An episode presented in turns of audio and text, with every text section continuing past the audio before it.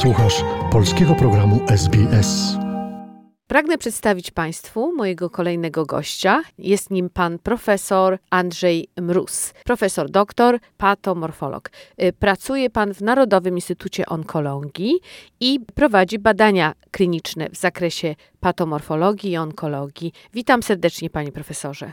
Witam panią redaktor, witam państwa. Co znaczy w ogóle patomorfologia, czym się zajmuje patomorfologia, w jakich przypadkach jest pomocna? Patomorfologia jest dziedziną diagnostyczną medycyny, która mhm. zajmuje się badaniem i opracowywaniem materiałów tkankowych, które zostają pobrane od pacjentów w trakcie zabiegów diagnostycznych.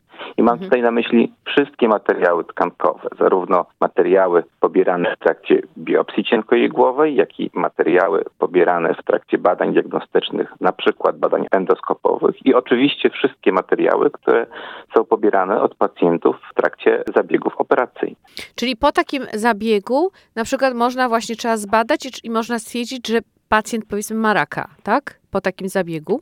Tak. Otóż oczywiście no, takie zabiegi są wykonywane po to, żeby ten materiał pozyskać. To mhm. jak Państwo wszyscy wiecie, badania choćby cytologiczne, czy to biopsje tarczycy, czy biopsje w trakcie badań ginekologicznych pobierane mhm. od pacjentek. Wszystkie te materiały oczywiście muszą trafić do badania patomorfologicznego. Taki materiał musi być odpowiednio opracowany i przygotowany, a następnie w postaci preparatów histopatologicznych trafia do oceny właśnie do patomorfologa. Czyli Pana praca jest właściwie skoncentrowana na badaniach laboratoryjnych i nie ma Pan kontaktu z pacjentem, tak? No, mówiąc badania laboratoryjne, mamy bardziej na myśli badania związane z opracowywaniem krwi, surowicy, ewentualnie jakichś markerów, które właśnie z takiego materiału oceniamy. Ale no, w szerokim znaczeniu można to też tak ująć, że jest to, jest to dziedzina diagnostyczna. Patomorfolog nie ma bezpośredniej styczności z pacjentem, dlatego że większość tych materiałów pobieranych jest przez klinicystów. Oczywiście czasem zdarza się, że my sami wykonujemy biopsję cienkoigłowe albo ewentualnie towarzyszymy kolegom klinicystom w trakcie takich zabiegów. Natomiast najczęściej opracowujemy, oceniamy i wydajemy ekspertyzy już na podstawie materiału przygotowanego w laboratorium histopatologicznym. A dlaczego właśnie ta dziedzina zainteresowała Pana, ta dziedzina medycyny? Czy to jakby już wypłynęło w czasie studiów, czy skąd się to, skąd się wzięło to zainteresowanie? Decyzja, że właśnie tym się będzie Pan zajmował? To tak naprawdę działo się już powoli w trakcie moich studiów, bo oczywiście na każdym kolejnym roku mamy kontakt z kolejnymi innymi dziedzinami medycyny, medycyny nieklinicznej i klinicznej i oczywiście przeżywałem różnego rodzaju fascynację także dziedzinami klinicznymi i muszę powiedzieć, że nawet po studiach przez pierwsze kilka miesięcy pracowałem w oddziale klinicznym jako młody lekarz, jeszcze oczywiście bez specjalizacji. Natomiast gdzieś cały czas e, we mnie była ta e, chęć właśnie pracy z materiałem skankowym. Jest to, trzeba powiedzieć, przepiękny świat obrazów histopatologicznych, które no, poszerzają człowiekowi bardzo wyobraźnię, a jednocześnie miałem taką świadomość, że jest to bardzo ważna dziedzina, właściwie bez której pacjent nie może być poddany prawidłowemu leczeniu, bo prawidłowa diagnoza jest pierwsza. Dopiero potem można podjąć decyzje dotyczące leczenia pacjenta. I chyba to było głównym powodem wyboru takiej specjalizacji. Jest to oczywiście specjalizacja w jakimś sensie niszowa. Patomorfologów nie jest wielu. Muszę Państwu powiedzieć, że w takim kraju jak Polska aktywnie działających patomorfologów jest myślę, że w granicach 400-450 osób, także to, to jest naprawdę niewiele. bardzo, ba, bardzo niewiele nawet biorąc pod uwagę, że Polska jest w tym zakresie mocno niedoinwestowana, jeśli chodzi o, o liczbę patomorfologów, to, no to to jest środowisko takie dosyć hermetyczne, a jednocześnie no, wykonuje, muszę powiedzieć, zupełnie kluczową pracę w zakresie no, przygotowania pacjenta do, do prawidłowego leczenia. Także wydaje mi się to ważne, wydaje mi się to w jakimś sensie ograniczone w zakresie moich obowiązków. Do, doprowadzam taką diagnozę do końca według najlepszej swojej wiedzy, potem na tej podstawie koledzy klinicyści podejmują leczenie. Zresztą trzeba powiedzieć, że ta współpraca kliniczna, właśnie kliniki i patomorfologii jest no, niezbędna i kluczowa dla, dla prawidłowego funkcjonowania opieki w tym zakresie.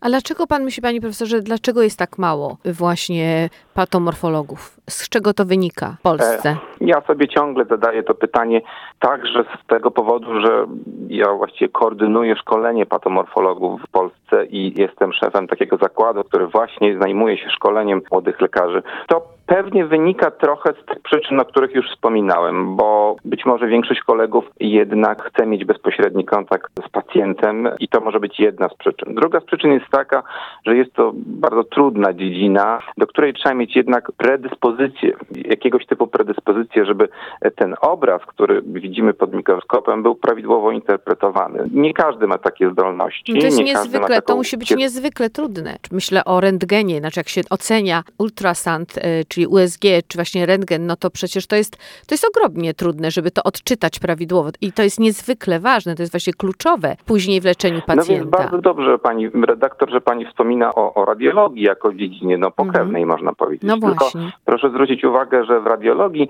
w większości opisów taki opis kończy się zdaniem, że to może odpowiadać, że najbardziej wygląda. Od diagnozy patomorfologa oczekuje się ostateczności, czyli bardzo precyzyjnej. podejrzenie hmm. na podstawie badania ultrasonograficznego, o którym pani wspominała, to potem powiedzmy jakaś podejrzana zmiana jest nakłuwana albo jakiś fragment tkanki podejrzanej jest pobierany i potem już pod mikroskopem my musimy ostatecznie powiedzieć, czy to jest zmiana nowotworowa, czy to jest zmiana nienowotworowa, jakiego typu to jest zmiana i co klinicyści mogą dalej z taką zmianą zrobić. I myślę, że też ta odpowiedzialność związana z ostatecznością takiego rozpoznania no jest w jakimś sposób trudna i być może deprymująca dla części kolegów.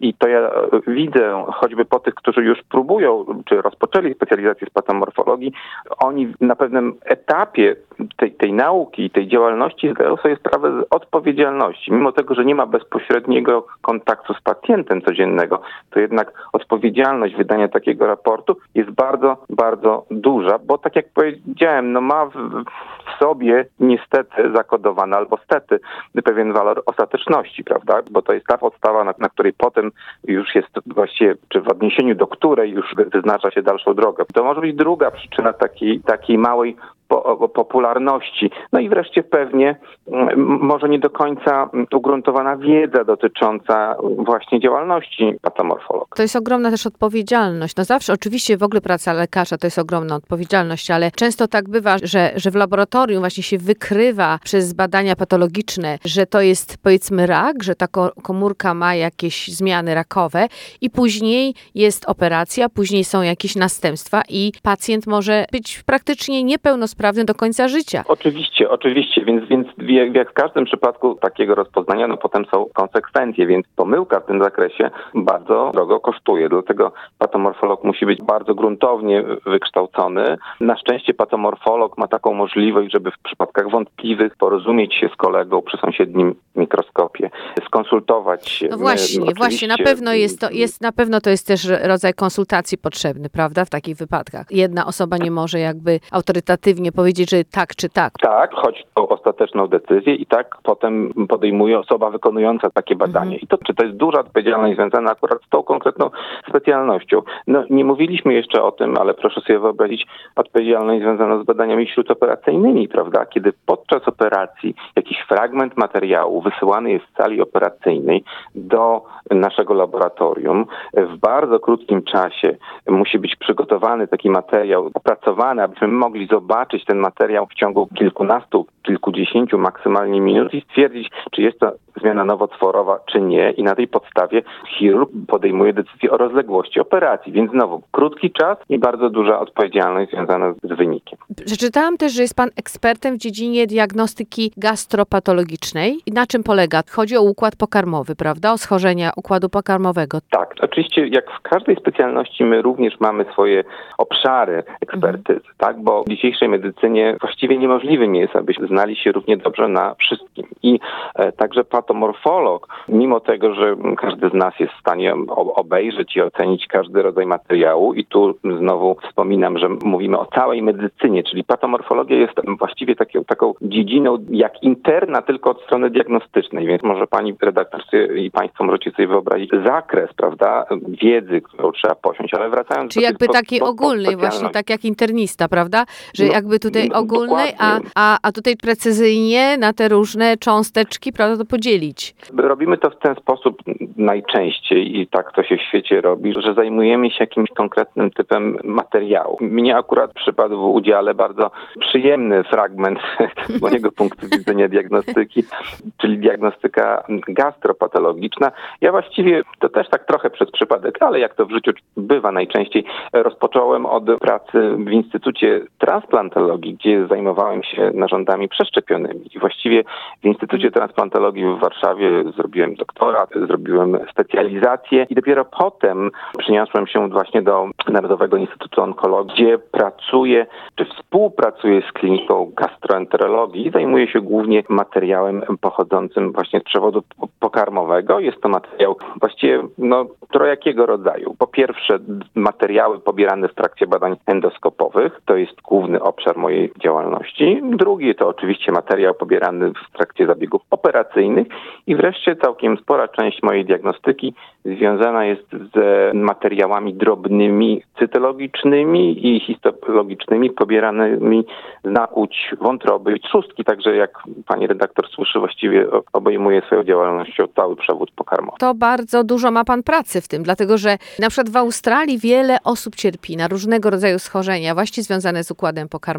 Myślę, że tak samo jest w Polsce, bo tutaj mamy nietolerancję laktozy, celiakę, no całą masę różnych rzeczy, właśnie na które ludzie w tej chwili cierpią z powodu, nie wiem, złego odżywiania. Właściwie to ja nie wiem z jakiego powodu. Przecież kiedyś, dawno temu, jak ja byłam młodą osobą, to nie było tak strasznie dużo tych schorzeń. A w tej chwili jest bardzo dużo i ludzie się męczą i muszą jeść odpowiednie rzeczy, mimo wszystko cierpią na te choroby. Absolutnie tak, choć trzeba by tu pewne rzeczy jakby uporządkować, bo schorzenia były zawsze, to, to jasne. Być może częstość bezwzględna ich e, wzrasta i rzeczywiście badania epidemiologiczne mówią, że jest coraz więcej osób cierpiących na choćby celiakię, czyli chorobę trzewną, ta, tak jak pani wspominała, ale też trzeba wziąć pod uwagę, że część pacjentów była po prostu niedodiagnozowana w tamtym czasie. I to mogło mieć znaczenie. Być może osoby, czy ludzie, czy my, pacjenci, nie w ten sam sposób, czy nie tak samo mocno zwracaliśmy uwagę na stan zdrowia, to też ta świadomość się zmienia i myślę, że to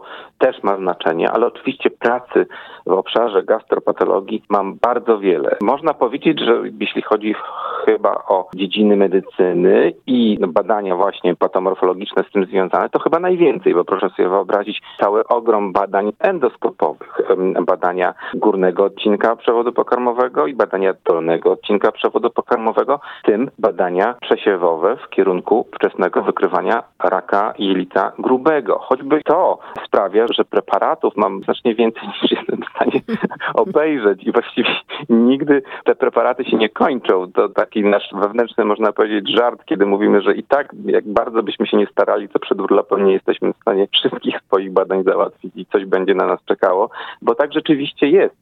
Tych badań jest bardzo wiele i też trzeba pamiętać, że dostępność badań endoskopowych bardzo się poprawiła. Jest dużo większa, nie tylko w dużych ośrodkach takich jak Centrum Onkologii, ale także w szpitalach powiatowych, w prywatnych gabinetach. Także proszę sobie wyobrazić te wszystkie źródła, z których pozyskujemy materiał do oceny. No to chyba nie ma czasu y, za mocno, panie profesorze, na urlop. Nawet w czasie urlopu powinni wysyłać i prosić pana o jakąś, e, prawda, Mam nadzieję, że Opinię nikt eksperta. Z, z, moich kolegów klinicystów tego nie usłyszy. Teraz pani powiedziała, bo jednak jakiś urlop nam się należy. Ja muszę powiedzieć, to zresztą dziwi moich kolegów, ale bardziej moją rodzinę, to jest to, że ja, ja bardzo kocham swoją pracę i ja bardzo kocham mikroskop. W związku z tym pierwsza rzecz, za którą tęsknię w trakcie no nieco dłuższego e, urlopu, na który też czasem sobie pozwalam, to właśnie mikroskop, do którego chętnie wracam. Także em, muszę powiedzieć, że w, ty, w, w tym znaczeniu e, moja praca jest moją pasją.